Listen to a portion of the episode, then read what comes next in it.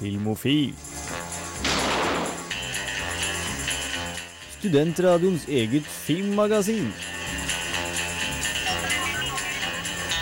Lights ready, all set. Cameras. Velkommen, velkommen, velkommen til Filmofil her på Radio Revolt. Jeg heter Kristine Rokkan Eriksen, og jeg har to herlige medarbeidere med meg i studio. Jeg har med Frida Hempel, hallo, hallo. Hallo, hallo. Hei. Og jeg har med Henrik uh, Inger...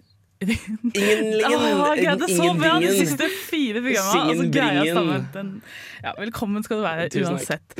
Uh. Vi skal ha det gøy denne uka. Skal vi ikke det? Ja, det skal vi. Jo! Vi skal ha masse av det gode gamle anmeldelser og ukas låt og ukas serie. Ja, vi skal ha fullt opp av stæsj for dere lyttere. Men før alt det der så skal vi høre på litt grann musikk, og vi skal høre på 'Making Me' av Woodland.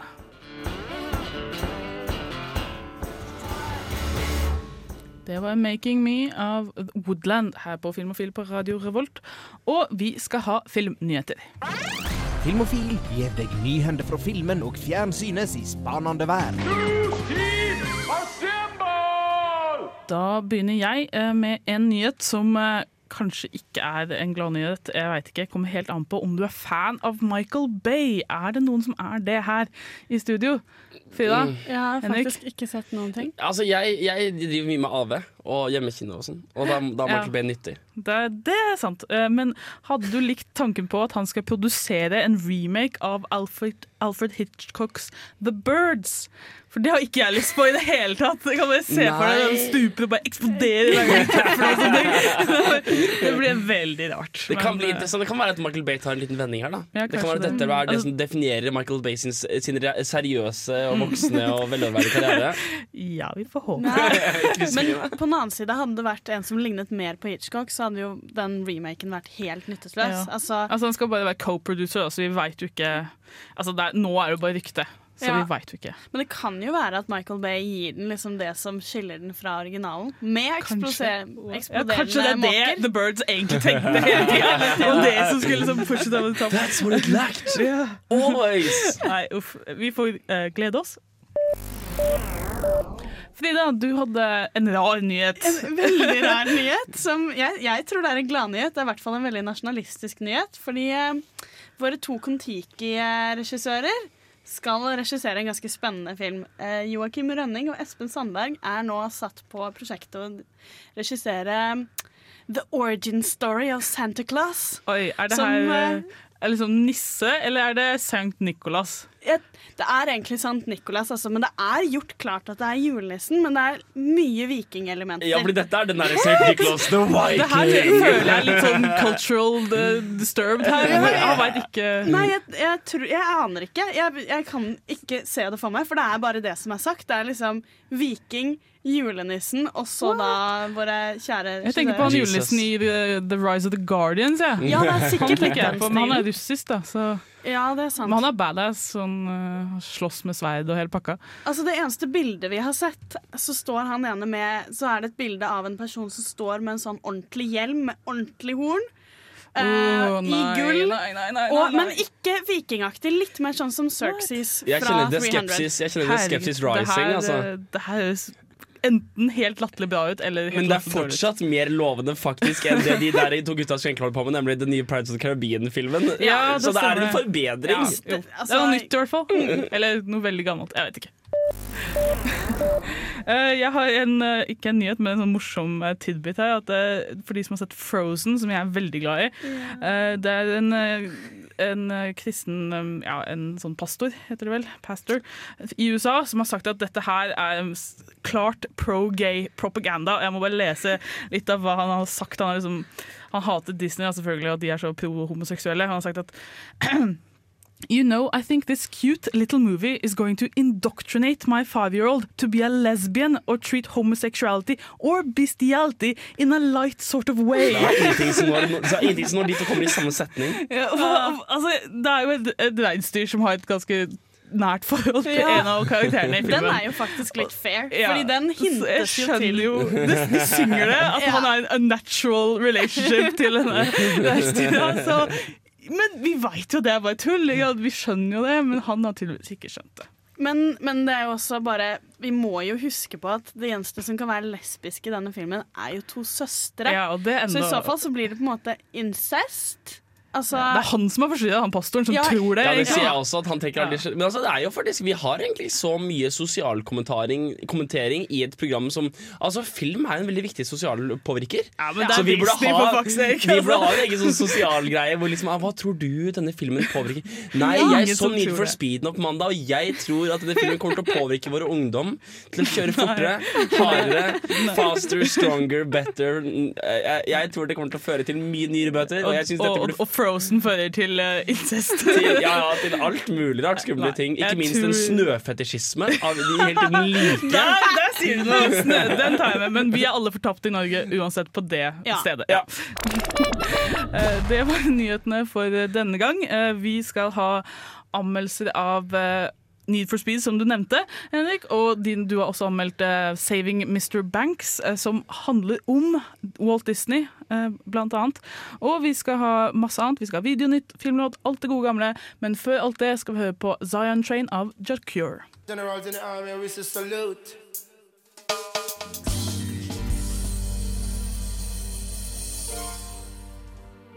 Zion Train av eh, Jacure hørte du der på Filmofil. Vi eh, skal eh, nå over på kinoanmeldelser, og først ute er det Henriks anmeldelse av 'Saving Mr. Banks'. Winds in the east, mist coming in, like something is brewing, about to begin. Jeg er glad i både Tom Hanks og Colin Farrell. De er faktisk på min topp 20-liste over skuespillere. Men det er ikke før du legger sammen min glede for dem at du nærmer deg min pure lykke over Emma Thomsens tilstedeværelse på et kinolerret. Ladies and gentlemen, we are beginning our descent into Los Angeles. Welcome, Mrs. P.L. Travers, to the City of Angels. It smells like Jasmine. chlorine and sweat.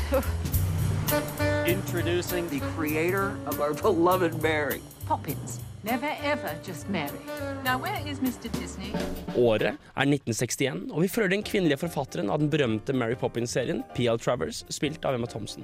Filmen følger henne når hun motvillig drar til Hollywood for å møte Walt Disney, spilt av Tom Hanks, og overse skapelsen av filmen. Etter hvert som turen utvikler seg, får vi tilbakeblikk på hennes oppvekst i Australia og forholdet til faren, spilt av Colin Farrell. Well, Pamela Travers, you can't imagine how excited I am to finally meet you. Would you mind? My name is Mrs. Travers, Mr. Disney. Oh, Walt, now you gotta call me Walt. Twenty years ago, I made a promise to my daughters that I would make your Mary Poppins fly off the pages of your books. I promised them, Pam. I know what he's going to do to her. She'll be cavorting and twinkling. He can't be the film unless you grant the rights.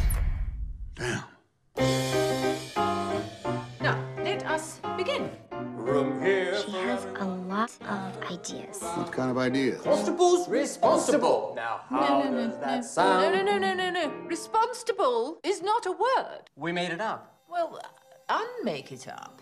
Dette er ikke en film med grandiose handlinger eller spenning og action. Den er lun og trist med kulturkrasj og selvoppdagelse. Det er rolige scener og lange scener uten store hendelser eller engasjerende overraskelser. Filmen tar seg god tid til å fortelle historien. Dette høres kanskje ikke ut som den beste bruken av dine 125 minutter, men dette er en film som ikke kunne vært bedre. Historien som blir fortalt er akkurat så lang som den trenger å være. Det er ingen scener som kunne vært droppet eller kuttet uten å miste stemning eller dybde. Jeg sitter faktisk igjen med følelsen av at jeg godt kunne tenkt meg å lære litt mer om flere av karakterene. Ikke fordi det er nødvendig for historien, men fordi de virker som interessante personer. Dette er tegnet på et godt og dypt persongalleri.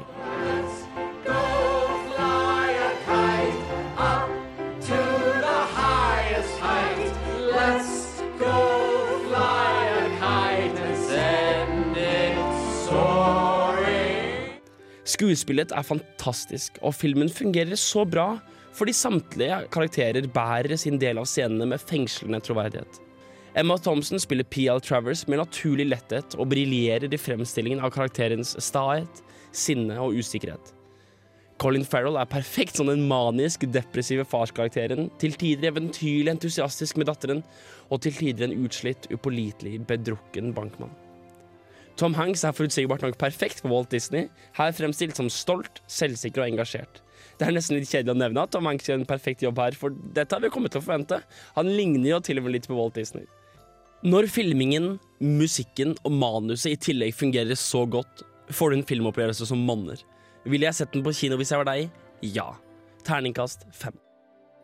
Let's go fly a kite. Å, gud, nei, nå kommer jeg hele uka! Ja! I hate you, I hate you. Nei, Henrik, dette her var fantastisk, og jeg har sett den, jeg òg, og jeg vet at den er fantastisk. Jeg likte den skikkelig godt. Ja? Og ah, den er bare så god. Altså, du, har den der, du får den Disney-stemninga. Ja, du gjør faktisk litt det. Den magien. Ja, ja altså, jeg har Hvordan er den for, eh, for eh, oss som eh, Gud, Som ikke kjenner Mary Poppins veldig bra? Jeg har ikke sett filmen. Nei, han, det er det som er okay. Ja, oh. Jeg har jo ja. selvfølgelig sett Mary Poppins fordi jeg er et vanlig menneske. Men oh. Og det har, altså, det har ikke noe å si egentlig, fordi det handler mer om bare den prosessen eh, og bringe den Altså, du får ikke noe sånn Du drar ikke til scenen og ser at de filmer. Nei, ikke sant? Nei, okay. Du Altså- får noen sanger, og så er det mest om eh, selve prosessen og overtale henne. Jeg vil si at det at du kan kjenne igjen ting Å, den sangen der havner jo i filmen. Eller yeah. å, den replikken havner i filmen. Det er en liten kuriositet. Det er en liten sånn bigreie. Okay. Men selve filmen handler ikke om skapelsen av filmen. Filmen handler om, filmen handler om interaksjonen mellom Emma Thompson eller PL Travelers. Travers. Uh, du aner ikke hvor mange ganger jeg sa Travelers når jeg spilte den. Eh, og det handler om interaksjon mellom henne og både, både kulturen og stedet hun kommer Mm. til. Og handler om hennes, hennes stahet og hennes fortid. Yeah. Uh, det handler egentlig ikke om filmen. Eh, hvis jeg skulle kritisere noe, så vil jeg si at jeg var ikke så enig med deg i, i flashbacks her. Jeg synes de, altså, de kom litt sånn rart på visse punkter. Jeg syns den føltes litt som en litt mer sånn eventyrlig film. Jeg følte ikke det passet overens med så For hun skal jo ikke Hun vil ikke at Mary Poppins skal synge og danse. Nei. Så du, du føler vekta av hennes fortid, men når du, når du drar til fortiden, så får så, så Den vekta er ikke der. Liksom. Du kjenner ikke hvorfor hun har blitt sånn som hun er. Nei, det, egentlig. det, er, det er jeg totalt enig i, og jeg, jeg sier jo heller ikke i anmeldelsen at jeg syns det er bra. Jeg sier det, og, og, og det er et veldig godt poeng. Og det første jeg og Mats som jeg så den med, sa når vi kom ut herfra, at det var en lang film. Ja. Og, Du sa at du ikke ville kutte den den er ikke for lang. Og det er litt fascinerende at det er begge deler. Det er, ikke, det er ingenting som kan kuttes, men den er lang. Og det er kanskje den der litt sånn eh, Det er litt dårlig timing på flashbacksene. Ja, og det er litt sånn humørswitcher, og det er litt sånn Du blir veldig rørt, og så er det tilbake igjen! Nå hun er i et hotellrom, og det, det, det får du til å føle den litt lang. Men jeg likte flashbacka i seg selv. Jeg syns de var veldig bra scener. Ja, og Colin. Colin Farrell er dritbra. Han spiller. Han, han spiller bra i så å si alt, bortsett fra Daredevil, men det snakker vi ikke om. Men han er perfekt for denne rollen, i hvert fall. Ja, han er det. Eh, Så det er en god femmer for meg òg, altså. Det er helt klart. Så Skal jeg se? ja, bra. Den skal du det se. er sånt liker vi å Ja. høre. Eh, Så det var altså Henriks anmeldelse av 'Saving Mr. Bank', som er absolutt å anbefale. Vi skal snart høre om eh, Need for Speed, men før det skal vi høre på musikk, og det blir 'Walk on Water' av MIO. Your lips are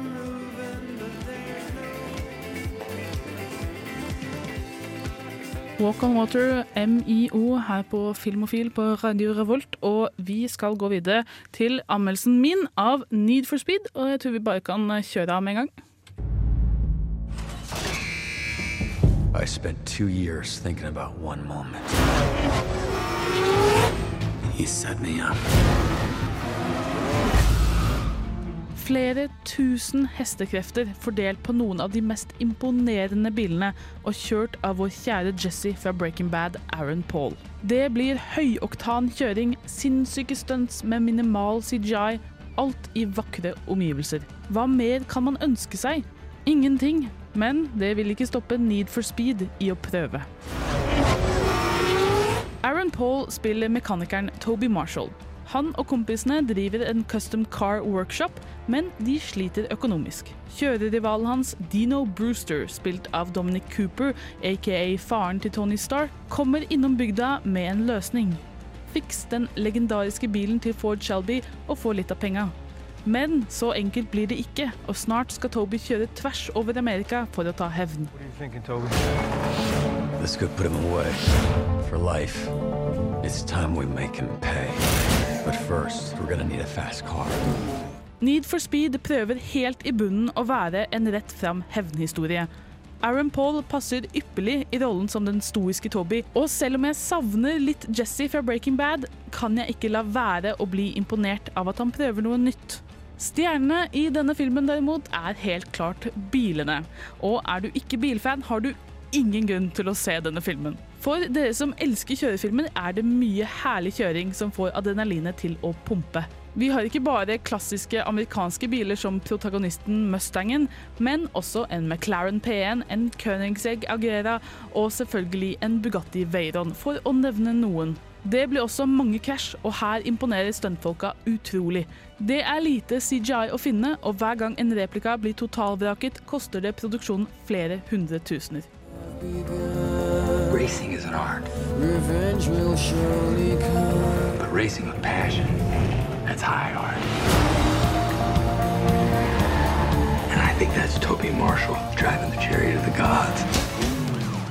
Need for Speed trenger ikke å være en arvtaker til The Fast and the Furious-franchisen. I bunnen er dette en mye mørkere historie om hevn. Det er derfor litt forbløffende at Need for Speed inneholder så mange latterlige klisjeer, dårlig og malplassert humor og fullstendig todimensjonale karakterer.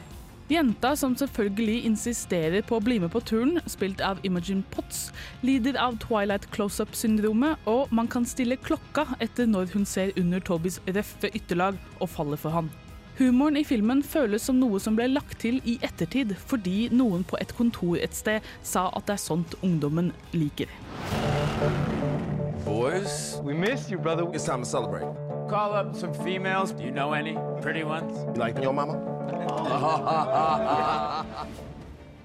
Need for Speed er ikke direkte dårlig, bortsett fra de verste vitsene og klisjeene som stikker vondt i sida mi, men når den glemmer humoren og bare kjører mot horisonten, er det genuint badass. Er du kjørefilmfan, bør du få den med deg. Vil du se Aaron Paul gjøre det han kan med det lille han får, så ta deg en tur. Forventer du et plott du har lyst til å følge, da bør du ha stor glede av klisjeer før du drar på kino. Terningkast fire. Ja, uh, jeg vil bare si først og fremst at jeg sa selvfølgelig feil i starten. Det burde jeg ikke ha gjort, siden jeg er jo bilfan. Jeg sa bilen til Ford Shelby, og det er jo bilen til Carol Shelby. Bilen heter Ford Shelby.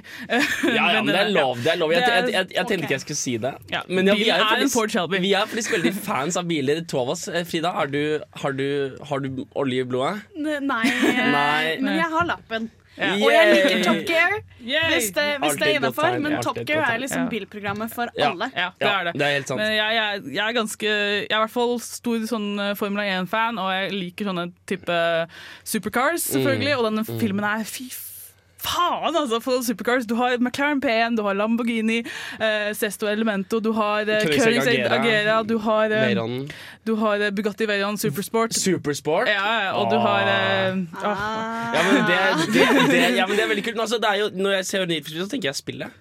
Ja, ja. Har det noe med spillet å gjøre? Eh, Det, altså, det er jo basert på spillet, men jeg har ikke noe særlig forhold til spillet. Er det eh, som på noe tidspunkt Ja. slipper brennende tønner ut av seg? Nei, men det er et helikopter i den. Ja, Det er nei, men det må være Need for Speed plutselig to har helikopter som slipper Nei, brennende jeg, tror ikke jeg har spilt et kjørespill siden pod racing på Nintendo. Ah, ja, nei, det er okay. ikke min sjanger av spill, eh, dessverre. Nei, men, men altså, altså, jeg- altså Det er vanskelig Jeg tenker altså Fast and the Furious er standarden for bilrelaterte filmer i de nyere ti åra. Ja, for unge, ungdommen eh, Ja. er det vel det.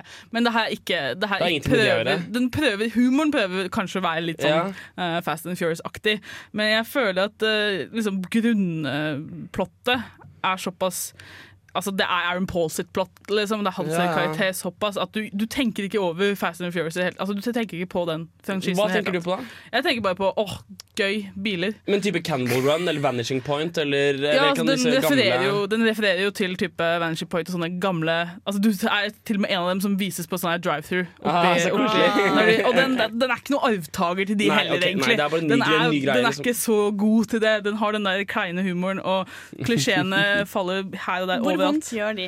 Åh, innimellom så vondt, men Treffer sånn i magen. ja. Å, å, herregud, Ikke å, shit. Og det, er, det er vondt, men det er så jævlig gøy når de kjører. For det er, altså, Stunta er fantastiske. Og når du sitter i den der Ford GTA Herregud, herregud, som det går! Altså. Ja, Det er-. Åh, ah, så du kjenner det i magen. Og, Ja, nei, og den lyden! Herregud, lyddesignet på den filmen er, Å, er- er det bra? fantastisk. Åh. Det brummer, og det Å, herregud. Altså. jeg vet ikke om du husker det, men husker du den nylagingen av Miami Vice? Ja, med Jamie Fox? nei, nei. Lyd, det er én god ting med filmen, det var lyden lyden. var fucking amazing i filmen Miami Vice. sugde. Men den her, den, den, den suger ikke fordi den, du har den der bilgleden. Ja, ja. Men du, du føler bare at hvorfor kunne ikke Aaron Paul bare få gjort det han skulle gjøre, istedenfor alle disse tullete karakterene rundt deg som Mm. prøver å være morsomme hele tida, Ja. hvor de ikke er det. Nei, uff. Det er, ja, jeg tror ikke jeg skal rante mer om den filmen, for den kunne vært mye mye bedre. Den er ålreit hvis du er film, bilfan. Det å se den. Men, eh, ja. Og det er jo en kinofilm. Ja, altså, du bør se den på storskjerm Ja, med ordentlig ja. anlegg. Uh, vi skal gå videre med alt det vanlige her i Filmofil, men uh, vi, før det så skal vi høre på uh, Luna av Fear of Men.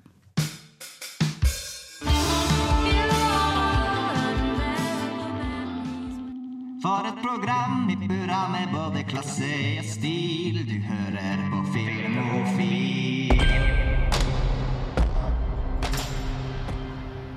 Play it once, Sam. Det er jo alltid å ha musikk når den er påtent. Helst noe indisk eller pakistansk. Ukas filmlåt.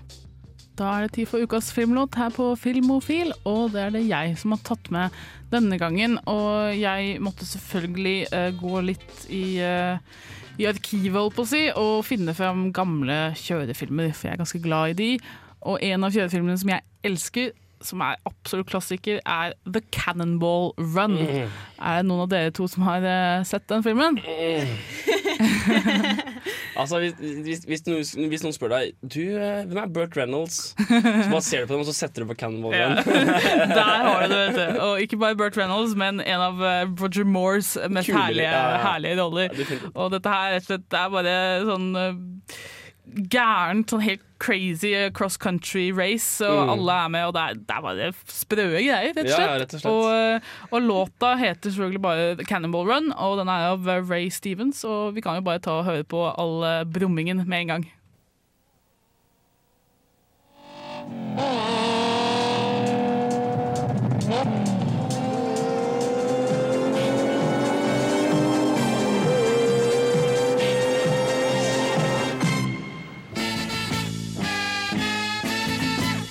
i videohylla. Rykende ferske digitalfilmer som du kan ha i din heim. Da er det tid for Videonytt her på Filmofil, og jeg sjekker på eh, vår eh, Videonytt nettside. Og det er ikke så mye, det er et par ting som jeg vil dra fram. Og det er selvfølgelig at eh, Sherlock, eh, BBC-serien, eh, har kommet i samleboks og egen boks til sesong tre. Så da kan du få, hvis du allerede har de to første, så kan du få treeren, eller du kan få ræva i gir og få hele pakka. For altså, folk som ikke har det, hva, hva er det dere gjør med livet deres? Herregud, altså. Men jeg vil gjerne også poengtere at Frida her har ikke sett slutten av Sherlock. Så no Eller skal jeg spoile? Nei, jeg skal ikke. Nei, ikke- ikke ikke, jeg er ikke Vær så så slem. Hvis du eh, bor i Trondheim og har har en lyst til å stor gå forbi plakat Frida på gata og bare skrike eller med en plakat som du kan sette opp utenfor Nano-inngangen. Timen i kontoret på R. Eh, Velkommen til å en plakat der. Ikke gjør det. Jeg kommer til å hate dere. Jeg sparer den sånn at den dagen man får masse abstinenser Dere må vente to år. Jeg må kanskje bare vente ett og et halvt. Ja, Men du venter nå! Jeg venter nå, men nå er det liksom jeg venter Du venter jo nå! Likedan. er jo Ja, men det er et poeng. Det er lettere å vente hvis du har valgt å vente. Nei, jeg syns ikke det. Jeg greier ikke å ha, ta det valget. uh, andre ting så har vi også TV-serien eh, Luthers eh, sesong tre, som jeg skal en eller annen dag sette meg ned og se hele skitten på, for det, det er så awesome. Han Ja. Idris Elba er dritkul. Ja. Catching Fire er selvfølgelig på DVD Not og Blu-ray. Ikke det at noen bryr seg. Uh, så er det Ja, det er egentlig ikke så veldig mye det som kommer. Um, ja, eh, vi har jo selvfølgelig eh, Blå er den varmeste fargen. Kommer. Den anmeldte vi for ikke så veldig Jeg husker ikke hvem som anmeldte den. Var det Jens Erik? Tror jeg, kanskje. Den fikk jo relativt godt, eh, godt eh, ja, Har noen dere sett den? Nei. jeg har ikke sett den. Å, men dere burde virkelig se den. Prøv den å ta igjen for de er tidligere bra. delene av samtalen? Ja, jeg prøver det, men den har, Har jeg ikke sett. sett Blå? Oh my God. Herregud, dere kan aldri Nei, filmanmeldere. Jeg tror ikke det kan måle seg med sjøl, altså, dessverre. Nei, den kan ikke, det var ikke det jeg sa, men den, den er virkelig, virkelig virkelig bra. Så den burde man se. Jeg... Og i Frankrike har det vært mye diskusjon rundt den. Ja. Kan jeg opplyse om. Det, det veit jeg. Mm. Uh, Så har vi også en, en, en anmeldelse av en DVD, men den kom ut i forrige uke.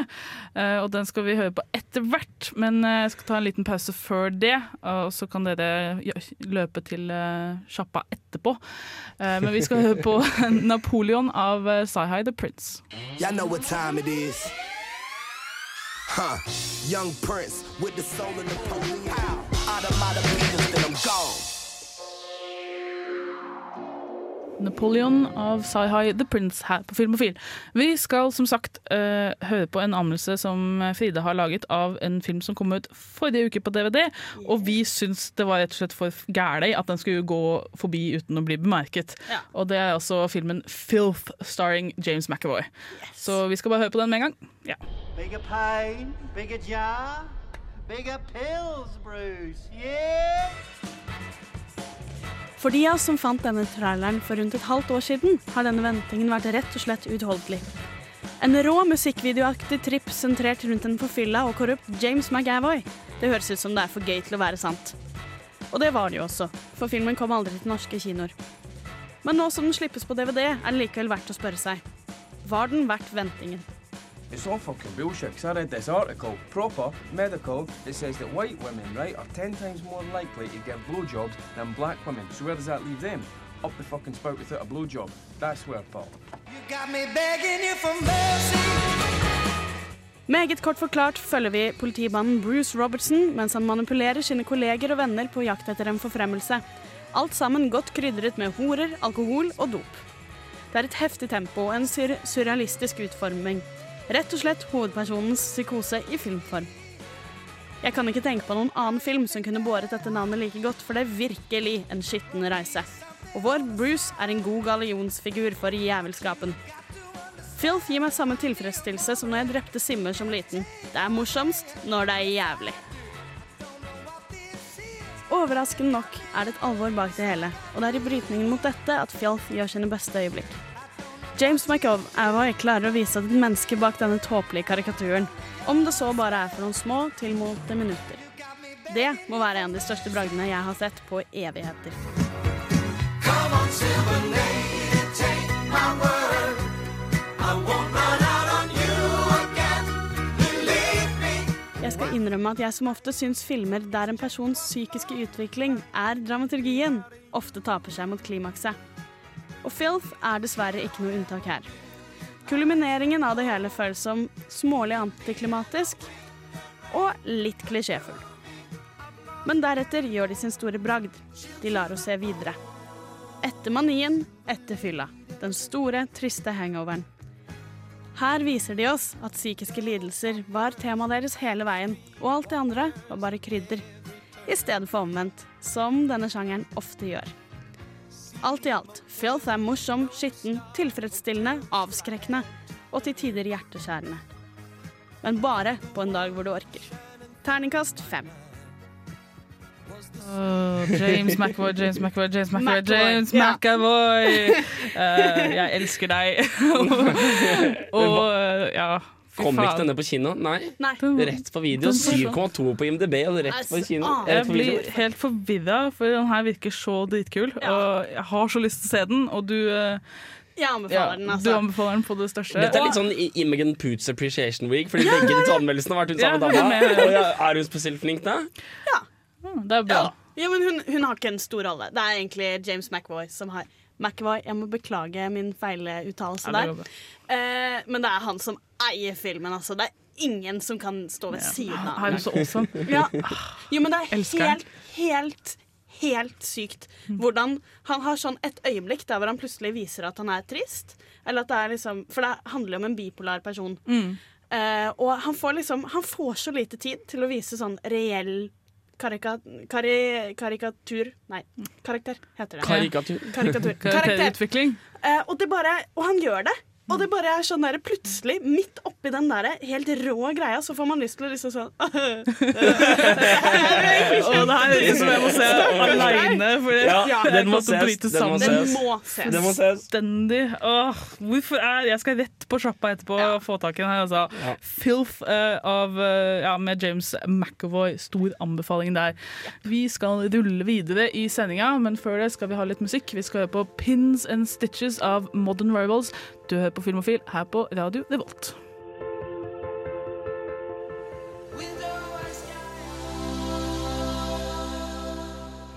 Det var Pains and Stitches av Modern Rivals her på Filmofil. Du hører på Fride Henrik og meg, Kristine. Og vi har, skal snakke om kjørefilmer, fordi de har anmeldt Need for Speed, og jeg har snak, uh, spilt av Cannibal Run-låta.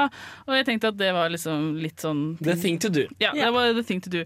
Men så har jeg forstått uh, i ettertid, da, etter jeg foreslo dette her temaet, at uh, dere er ikke det, altså, I hvert fall du, Frida, du har ikke så stort forhold til kjørefilmer. Nei, ikke Nei. det hele tatt, Så det her ble egentlig sånn en lang anbefalingsrekke for deg, da. Det er bra. Men Så- jeg trodde jo at det var eh, roadtrip-filmer, for det Nei. har jeg litt forhold til. Men Ja, hva er da forskjellen? Ja, sånn som jeg eh, definerer kjørefilmer. Da. Altså, Roadtrip-filmer er jo en, er en del av okay. Ok. Det går inn under kjørefilmsjangeren. Men kjørefilmen vil jeg si at alt hvor enten kjærlighet til bil eller altså, behovet for å bruke en bil tvinger frem plottet. Ja. Eller, altså, ja, eller, altså, eller hvor det bidrar til liksom, Hvor du bidrar en essensielt til actionen. Eller, Ja. Sånn som Gone in 60 Seconds. Da, Det er en dritbra kjørebil! Takk for at du tok den fram, det er en av mine absolutt favorittkjørefilmer. Ja. Kjørefilmer. Og det er da ikke en roadtrip-film, Fordi det, det er det ikke Det på noe sted, men det handler om bilene er liksom Bilene er en del av altså, de er Essensen, det i filmen. religionen i filmen, liksom. Det er Eleanor er en av bilene. Den har Ja. til og med navn. Det er en? Shelby GT500. Ja, det nøyaktig det. utrolig fin Sånt, eh, eh, bil. Um, Sånne ting liker vi. Og det er, det er faktisk Nicholas Nicolas Cage-film. Utrolig Cage. Angelina Jolie er med. Nei, jo, jo, jo, jo, jo, jo. det er kjempebra. Det er, er det den beste Nicolas Cage-filmen ved siden av Ok, topp fem for meg. Ved siden av liksom, kanskje annen. Con Air og litt sånn. Bare, nå som Nicolas Cage nevnes, så må man jo egentlig bare spørre sånn, Er kjørefilmer ganske jevnt over sånn bra i sin absurde dårlighet? Nei, altså, du har jo absolutt forskjellige typer, dette. For du har ikke sant, eh, Fast and the Furious, da. Er jo, er jo ja, jeg vil sånn si eneren, er, bra, er bra, og resten er bra i sin absurde Den dårlighet. siste, den, den som var sist nå, den syns jeg var ganske i samme stil som eneren.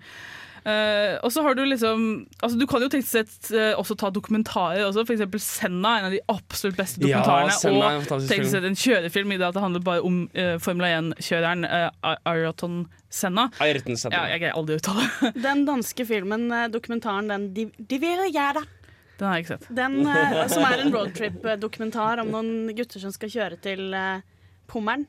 Som jeg ikke er helt sikker på hvor er, men det er pga. uttrykket 'de går til Pommern'. Et eller annet. Det er vel, De kjører motorsykkel, i Ja. hvert fall. Og det er greia. Okay, jeg, er ikke så, jeg, er liksom ikke, jeg er litt sånn som han Jeremy Clarkson i Top Gear, at jeg hater motorsykler. I don't care. Okay. Ja, litt Eh, så jeg har ikke noe forhold til motorsykkelkjørefilmer, dessverre. Er det blasfemi? Uh, Å komme inn med Nei, motorsykkel det her? er, altså, det er bare en annen måte å se det på. Det, så det er jo de som foretrekker Steve McQueen i, uh, på en motorsykkel eller i en, altså, i en bil. Ikke sant? Bullet versus The Great Escape. Ikke sant? Okay. Så det har hver school of thought. Ikke sant? jeg, altså, vi, vi, vi nevnte Vanishing Point, og Vanishing Point er jo da en roadtrip-film, vil jeg si. Og det er, og det er jo da en, fordi du, jeg, jeg kom til å tenke på Når du sa er det en bra film, eller er den, eller er den fascinerende og underholdende i sin dårlighet? Vanishing Point har jo basically ikke noe plott. Det er ingen eksposisjon. Det er en eller annen dude som er høy på piller og kjører rett og slett bare som en gal mann. Det, det, det, det føles som en tre timer lang chase-scene.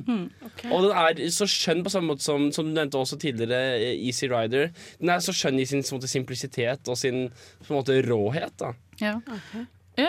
Uten å egentlig være en actionfilm. på en måte Ja. Det er mer en sånn, sånn du vet ikke Nesten en kultfilm i sin bare fuck all til liksom innhold. Ja, altså det, det- det er vel Jeg tror det er faktisk eh, scenen fra Bullet som, er, eh, som blir vist på det der lerretet i Need for Speed. Jeg tror det er, For det er jo den mest Ned det er jo, San Franciscos gate, eller? Hvilken, Ja. hvilken scene da? Det er den siste liksom, Ja, Den den siste største chase-scenen Ja. i Bullet Mm. uh, med Steve McQueen. Og det er, det er jo teknisk sett ikke en kjørefilm, fordi det er ikke Det er en cop-movie. Det er en cop-movie, egentlig, men den er verdt å se bare for å se på Den er jo legendarisk for sine, for sine, for sine Ja, og så har du chase for eksempel The Italian Job, som også er legendarisk for sine Som egentlig er heist-film, men Som som funker. Absolutt. Ja, Eh, da eh, originalen. Ja. Eh, den nye nyskapningen med Mark The Marky Mark Wallberg er er ikke så bra, men den er grei. Den er helt grei. Eh, vi skal snakke enda mer om kjørefilmer, for jeg har mange flere å anbefale. ja. Eh, We ain't going nowhere. Mange. Men før det, litt grann musikk. Vi skal høre på Pay No Mind av Palehound her på Filmofil på Radio Revolt.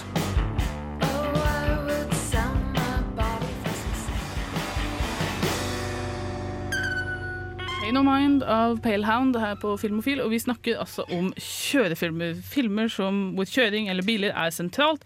Og vi skulle ta frem en av de største i fjor, og det var Rush. Rush. Som var veldig bra. Jeg synes det var absolutt en av de beste kjørefilmene jeg har sett på lenge. Filmen om James Hunt og Nicol Lauda. Ja, som er to veldig kjente Formel 1-kjørere, og deres rivalisering.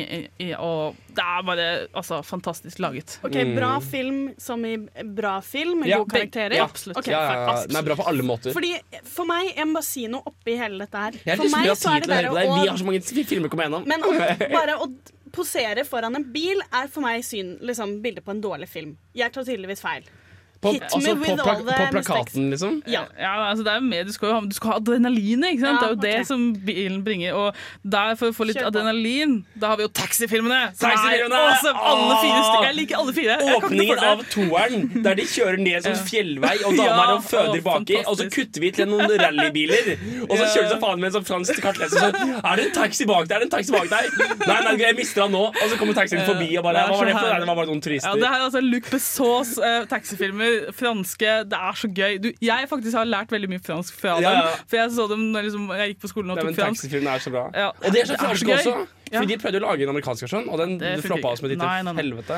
Hva med, hva med, med Ja, Transporter-filmene? det var også jeg skulle I hvert fall uh, den første, The, The Transporter Ja. med, med Statham. Med syv-serier, 7-serie, tror jeg. 750i, eller var Ja, det den? Ja, jeg tror jeg det tror det. det. Ja, ja. Tror jeg. Kvalitetsbil. Det, er så, det, er, altså, det handler jo egentlig om, uh, om at han skal transportere ting, da. Så Ja. jeg vet ikke. Men det er liksom Altså, det han, gjør er han, han, han jobber med å frakte pakker ulovlig gjerne fra et sted til et annet. Men det er jo helt han, klart det er bilen. Er- han forsikrer Han, han, han, liksom, han tilbyr en, en, en silent og guaranteed service. Ja. Og så en dag så får han, får han eh, skal han frakte en stor boks, og så viser det seg at det er en kvinne baki der. Og så utvikler det seg til å være en veldig sånn actionfilm med mye kul sånn Jason Statham-aktig action. okay. Men kjøringa er så fet. Litt Ja, urealistisk. Absolutt. Og Toeren er også kjempekul. ja, det er bare så mye gøy med kjørefilmer, for du, du skal liksom ha det adrenalinet som bare er så gøy. Drive inn i dette her? Nei. Nei, nei, nei, nei, nei.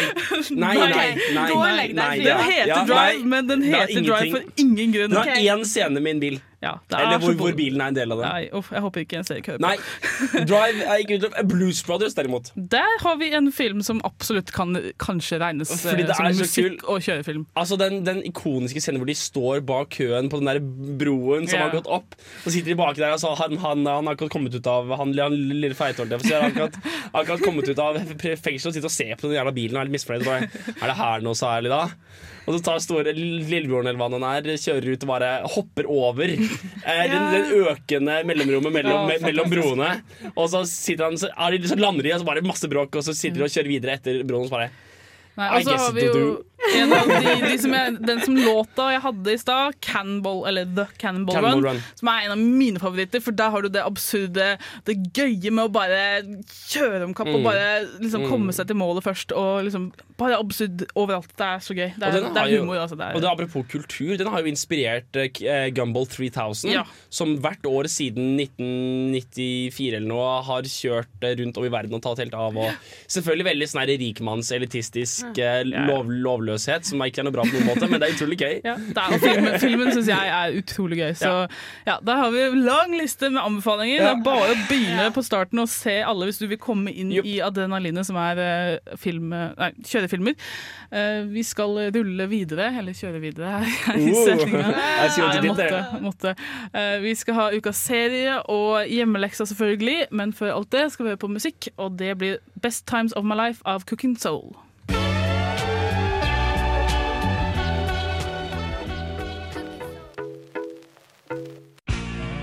Hei! Hei! Det er ikke 90s sitcom-flashback. Ta og Skru på noe annet. Ja, bedre, men prøv igjen. Der, ja! Filmofil presenterer ukas serie. Da er det tid for ukas serie her på Filmofil. Og det er ikke så lett å høre det, for det her er ikke en åpningsmelodi, men det er en låt som er i serien, Frida, som du har tatt med. Jeg har tatt med Girls, woo!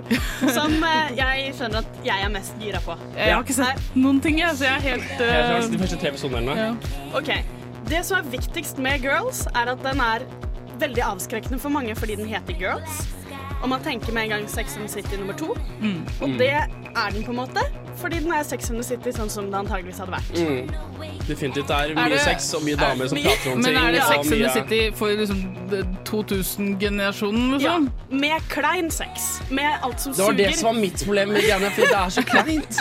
okay, det er en så klein jeg, serie. Jeg vet ikke noe her, så dere må bare okay. si plottet først. Det Hvem er det som er- er med og sånne Det er fire jenter som er liksom de der fire forskjellige jenter, bare at disse her er fucka. Disse her er på en måte usympatiske og prøve altså, prøver å bygge opp sitt eget selvbilde hele tiden. Mm. Så de klarer ikke være greie med hverandre. De klarer ikke liksom ta inn over seg virkeligheten. De er sånn Til å være en såpass kjent serie som den er, så er det helt sykt hvor realistiske karakterene egentlig er. da. Ja, og det, er liksom, det følger liksom de fire Mm. med deres respektive kjærester og Ja. perifere folk. Og det er jo skrevet av hun Ja. hoveddama. Det, det er kanskje en av de viktigste tingene. Den er skrevet, regissert, produsert, og hun spiller også hovedrollen av en 26 år gammel jente. Yes. Eh, Lena Dunham. Ja. Hun vant vel en eh, Hun vant et eller annet, ja. Ja. Golden Globe, har hun i hvert fall vunnet. Ja, men så, altså, Er det bare livet deres liksom, det skjer noen sånn forviklinger? Nei, det er veldig veldig sånn fragmentarisk fortellerstil. Altså, den der, men det er jo det. Den er en veldig kunstnerisk serie. Okay. Men Hmm. er også produsert av Judd Apatow, Apatow som er kjent som Ja. produsenten bak 40 Year Old Virgin. Absolutt. Og disse her. Så det har et sånn komisk element, hele greia. Og Golden Globes 2013 så vant altså denne serien både Golden Globe Award for Best Television Series Musical Comedy og Golden Globe Awards for Best Actress Television Series Musical Comedy. Ja. Så det er jo akklimert. Ja, Ja, så det er, men- det er helt klart comedy. Det er helt klart comedy. Ja, det er det. Det er jo dramakomedie, er det ikke? Ja, ja, men, men det Ja, fordi liksom Når du forklarte den, så tenkte ikke jeg med en gang comedy. Nei, men det, det er fordi de er liksom Det er morsomt sånn at du sitter Du sitter ikke og ler høyt. Det er ikke community. Det er liksom komedie fordi de er patetiske. Ja. Jeg vet, jeg vet ikke hva jeg har lyst til å se på patetiske jenter. som sagt, jeg orker ikke mer Cover Enthusiasm. Liksom. Jeg er ikke Nei. i humør.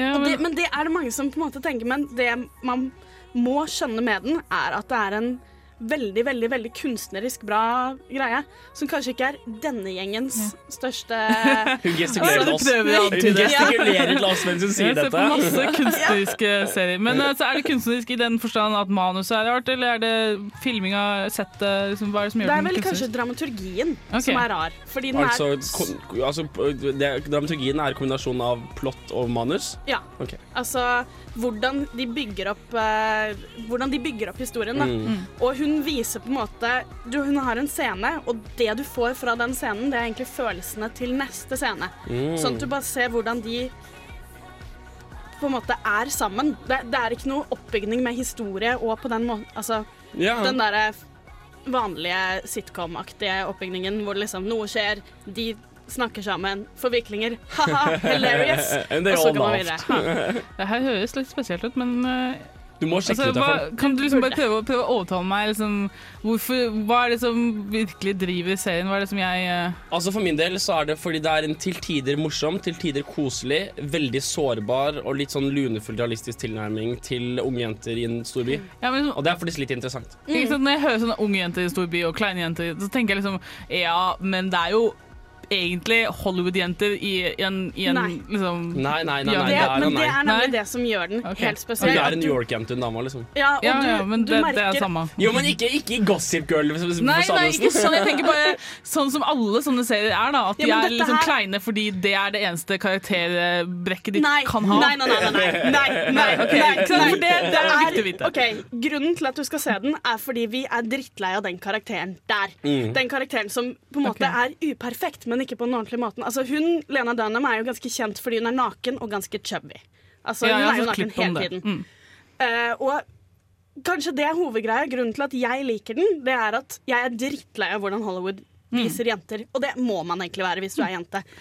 Så rett og slett, for å se et ordentlig portrett av jenter, se Girls. Ja, ok. Ja, men da, da sier vi det. vi skal eh, gå videre. Eh, det, altså, jeg, jeg greier ikke helt å få huet mitt rundt det her, jeg, men eh, jeg får tenke på det og se, se litt klipp og sånne ting. Eh, vi skal høre på Psychic, uh, unnskyld, Psychic Trauma av Cloud Nothings. Du hører på Filmofil her på Radio Revolt.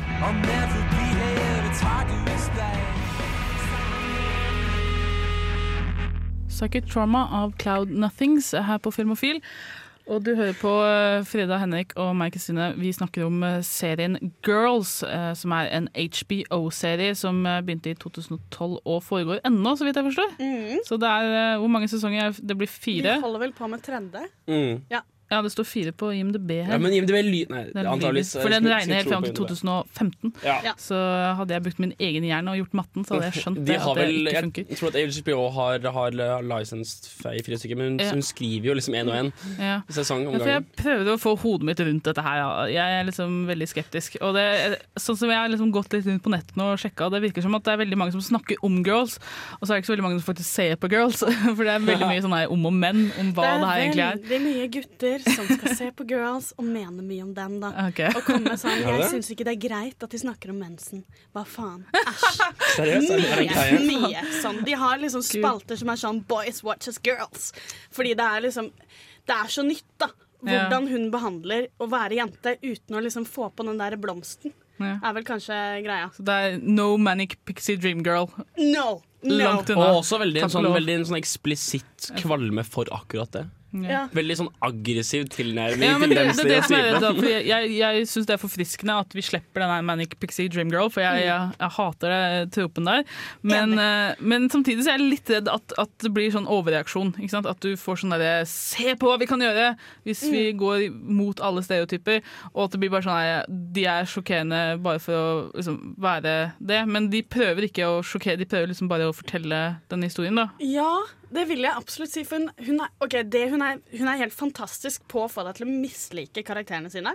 Skikkelig. Hun bare pusher det ut. Og med en gang du er sånn, vet du hva, OK, den karakteren kan gå til helvete, så tar hun seg et øyeblikk og viser hvorfor den er liksom en varm og kjærlig person. Altså, hun bare sitter og lurer deg med hvordan, hvordan du liker karakteren hennes, da. Så um, med det der sånn Hun får de, de jentene sine til å være bare helt Du hater dem så mye til tider. men så liksom viser hun hvordan de på en måte mener vel, da. Eh, Så du kan liksom ikke sammenligne det med noen annen serie som jeg har vært? Eller? jeg har lest jeg har lest en, og jeg vil ikke helt si meg enig, for jeg kjenner kanskje ikke det godt nok, men jeg har lest en sammenlignende med uh, David Lynch og Twin Peaks. Bare ikke, ikke i liksom stemning eller noe sånt, men i Nyskaping? i, på, må- i dramaturgi, egentlig. Sånn, okay. Hvordan, hvordan ja. historien bygges opp, hvordan du viser karakterer. Hmm. At det er litt det samme der. Ja, altså det her gjør i hvert fall at jeg har lyst til å utforske det sjøl. Ja. For det er, altså, liksom, fordi jeg har vært sånn som andre, at jeg har hørt at det er en ny HBO-serie som heter Girls, og så har jeg tenkt OK, det er Sex and the City 2, eller det er Ja. Gossip Girl uten gossipen, eller liksom hva Ja. Det er noe sånt noe. Og, og jeg tror kanskje det er greia, at veldig mange av de som ikke ser den pga. at den heter Girls, er de som virkelig burde se den. Fordi den, den er nyskapende på sin måte å behandle jenter på. Det, jeg syns det er så deilig å se jenter være ordentlig kjipe. Ikke på den der bitchy-måten. Det er faktisk sånn genuint slemme. der liksom. er jeg helt enig, for det er utrolig. Enten så er det liksom perfect uh, solstråle, eller Mm. neste sekund så er du liksom ultra bitch. Det er Ja. ingenting imellom. Altså, det, altså, det, det koker ned til for min del er at denne serien her er den best rata nye serien på Metacritic i 2012. Ja, såpass. Uh, og bare det alene gjør at man, ba, man burde bare se Altså, det er jo HBO, så jeg burde ha skjønt at Ja. det her var noe mer. Ja, man burde se det, man burde bare gi det en sjanse, og så, og så, og så liksom bare er det helt greit om man ikke liker det. Gi Sånn som det jeg en lang gjorde. sjanse. Ja. Eh, fordi Ja, jeg jeg, skal- er av og på. Jeg tar en pause nå. Ja. Fordi nå orket jeg ikke de karakterene mer. Nå er det sånn du Ja, det er ikke en serie du skal maratone, altså. Det er, tar Nei, små, nei, nei, nei. små stykker. Ja, men da, da tror jeg jeg faktisk skal utforske Girls der, og det er en varm anbefaling fra Frida der. Ja. Vi skal videre med ukas hjemmelekse om ikke så lenge, men før det skal vi høre på litt mer musikk. Det blir Talk Is Cheap av Chet Faker. Du hører fortsatt på Filmofil her på Radio Revolt.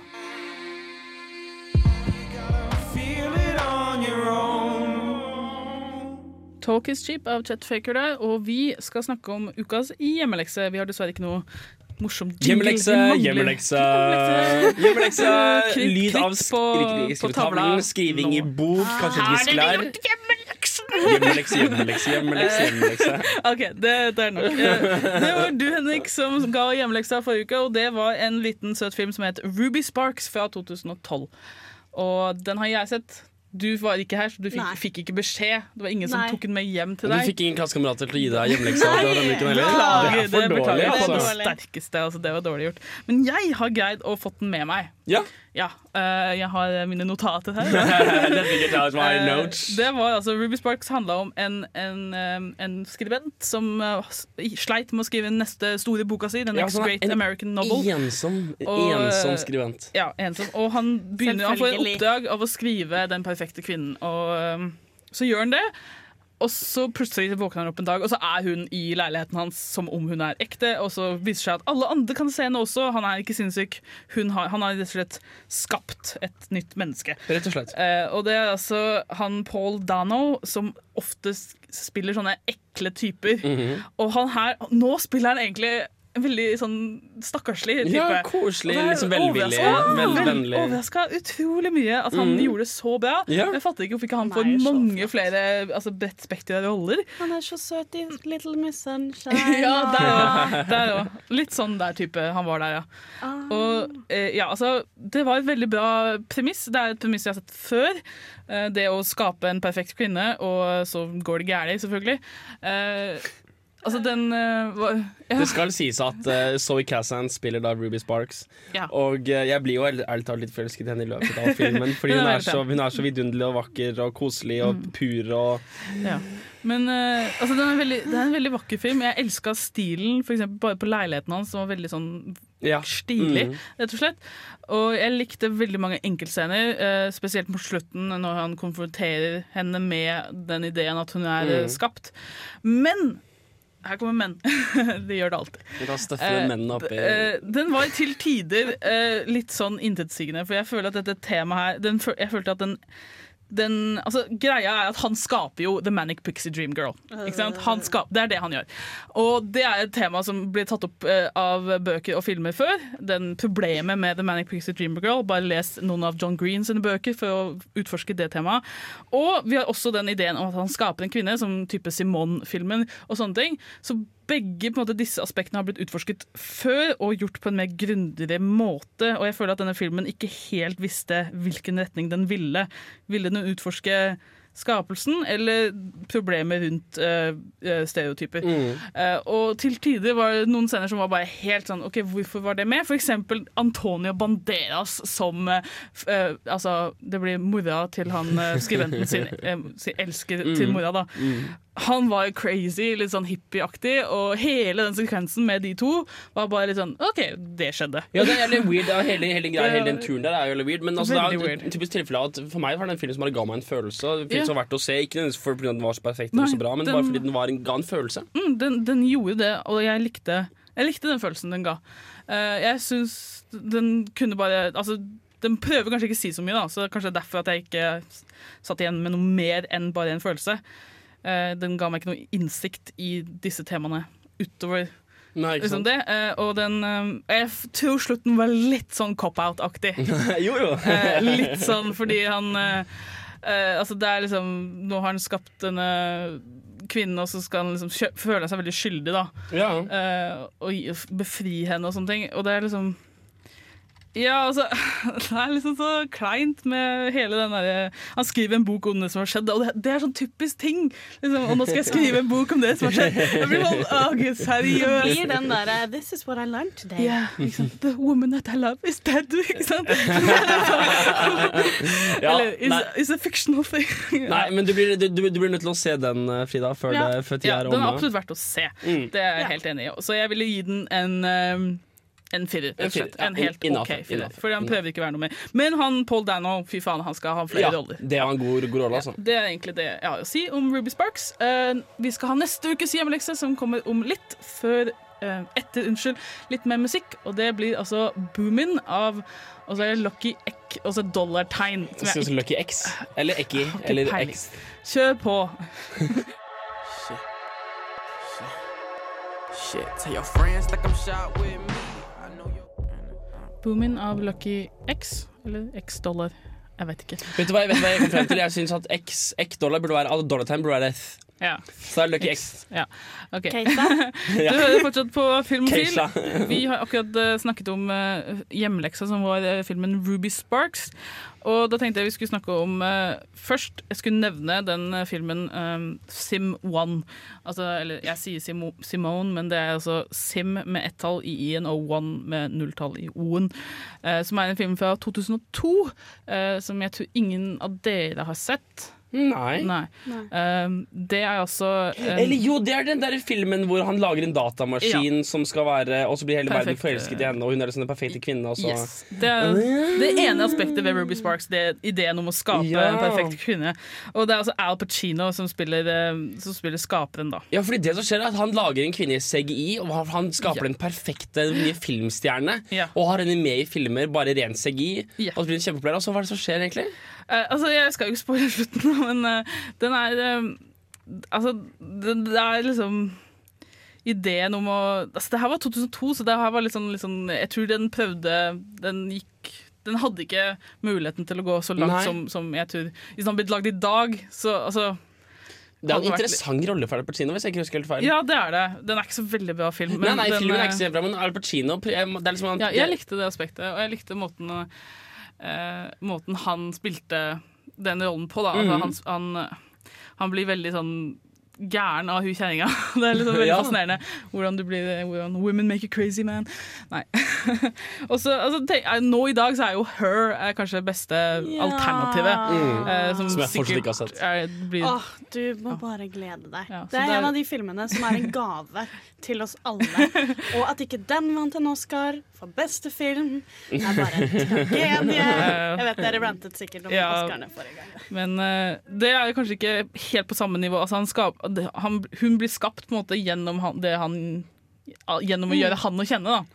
Ja, Men, men de på en måte behandler mer sånn problemet Eller det å være menneske, da. De går liksom ikke inn Nei, for hun blir ikke på- skapt. Ikke? Hun er jo enda en datating. Ja. Eh, et operativsystem. Og skal Så- liksom venne seg til det å være menneske uten kropp. Mm. Og måtte liksom snakke med alle som har en kropp og har det fint med det og kan liksom løpe rundt Mm. og de, det er, ja, De behandler på en måte det å være falsk. Ikke falsk, men lagd. Ja. Ja, det, så det er et fascinerende tema, det å skape, skape måte, den, den du skal elske. Uh, men jeg, jeg kommer liksom det, det er flere filmer, men jeg kommer ikke på noen. Så hvis det, Det er, noen der ute som hører på, Det er jo bygd på, hele Pygmalion Pyg, Pygmalion? Ja? Ja, den, absolutt. Han eh, som hugger ut en eh, Mm. statue som, som blir levende, gjort levende Ja. av eh, Aten, Aten, Afrodite. Det husker jeg ikke, men det er noe. En gresk gud Mm. inne kommer og gjør den levende, og så har han skapt Pygmalion. Men hvis, eh, Pygmalion. hvis noen kan noen flere filmer som vi burde få med oss, så kan vi kanskje poste under det, i kommentarfeltet på, eh, på facebook.com slash filmofil.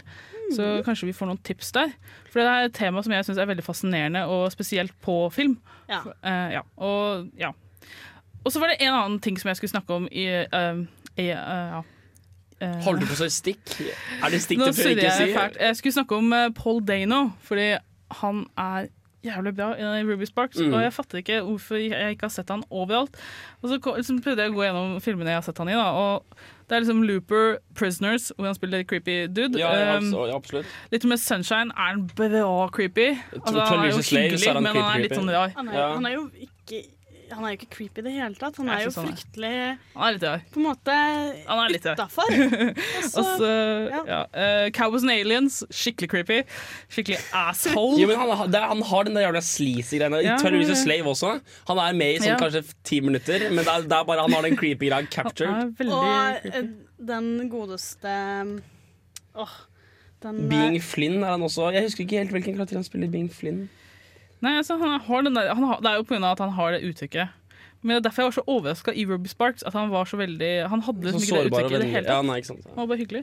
There Will Be Blood. Han Ja. er jo creepy som Ja, ja, bare gud faen. Jeg vil nesten si at det er hans definerende rolle. Ja. men sånn sett. Men jeg vil gjerne nevne en film når vi snakker om han, som eh, ikke er så kjent. Hvor han har en sjarmerende rolle igjen, som er Mhm. The Good Heart av uh, islandsk regissør Dagur Ka Kari. Fra 2009. Jepp. Dagur Kari, ja. Det er en fryktelig fin film, som er veldig sånn stemningsfull.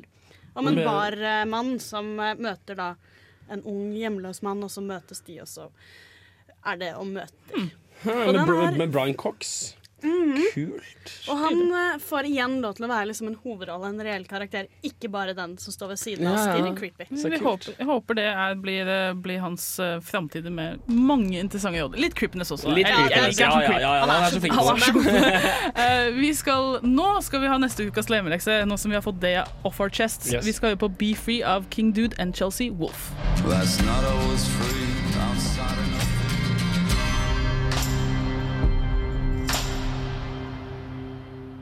Der hørte du Be Free av King Dude and Chelsea Wolf. eh, og vi skal nå endelig til neste ukes hjemmelekse. Og da har jeg tenkt mye frem og tilbake her. Jeg har, liksom, jeg har nesten ikke bestemt meg mens jeg sitter der. Liksom.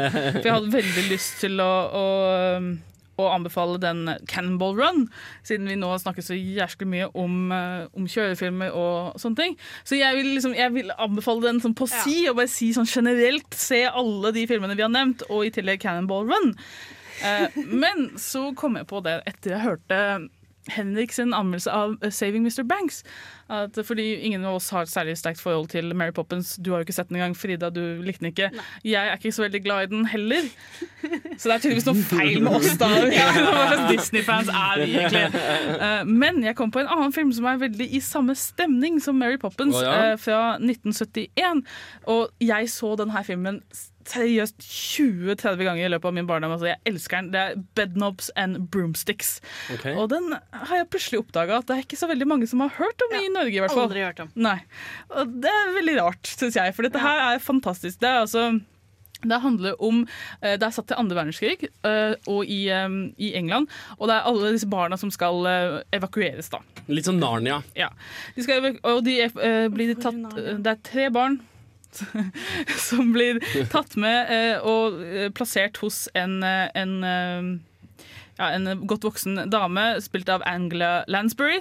Og hun er jo fantastisk alt, i alt hun er i. Ja. Så selv der burde den filmen vært solgt. Um, og hun, det som her er litt twist, da, at hun holder på å uh, trene seg selv til å bli en heks gjennom en male correspondence course.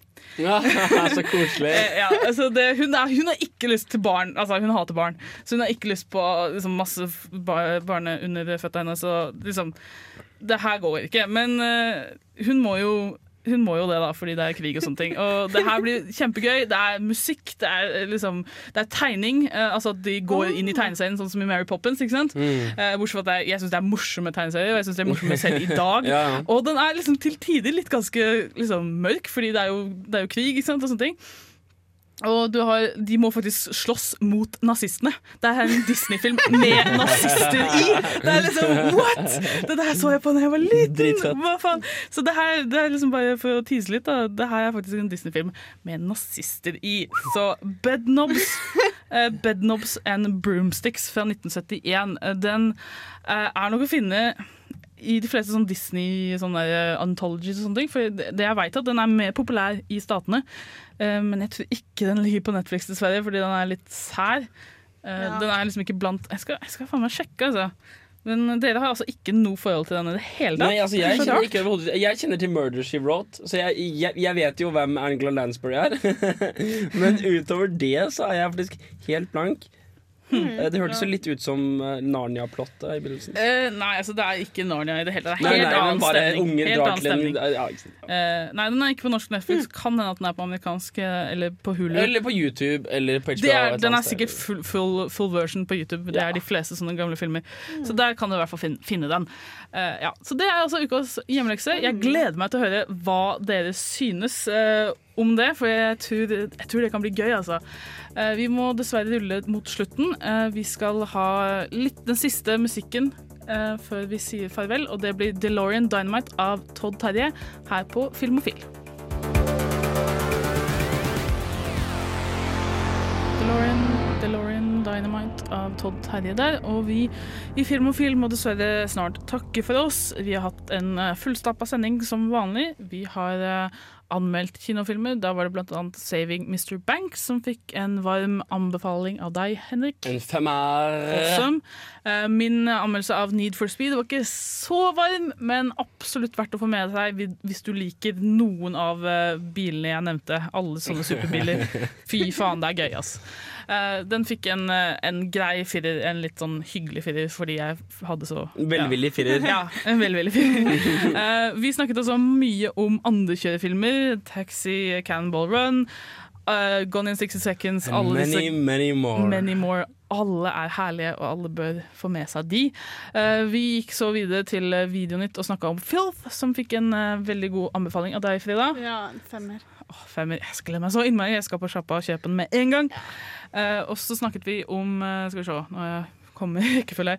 Eh, vi snakket om serien Girls, som jeg plutselig fikk beskjed om altså, Skjønte plutselig at jeg måtte se. Just wanna så jeg har, vært, jeg har vært veldig ignorant. Beklager det.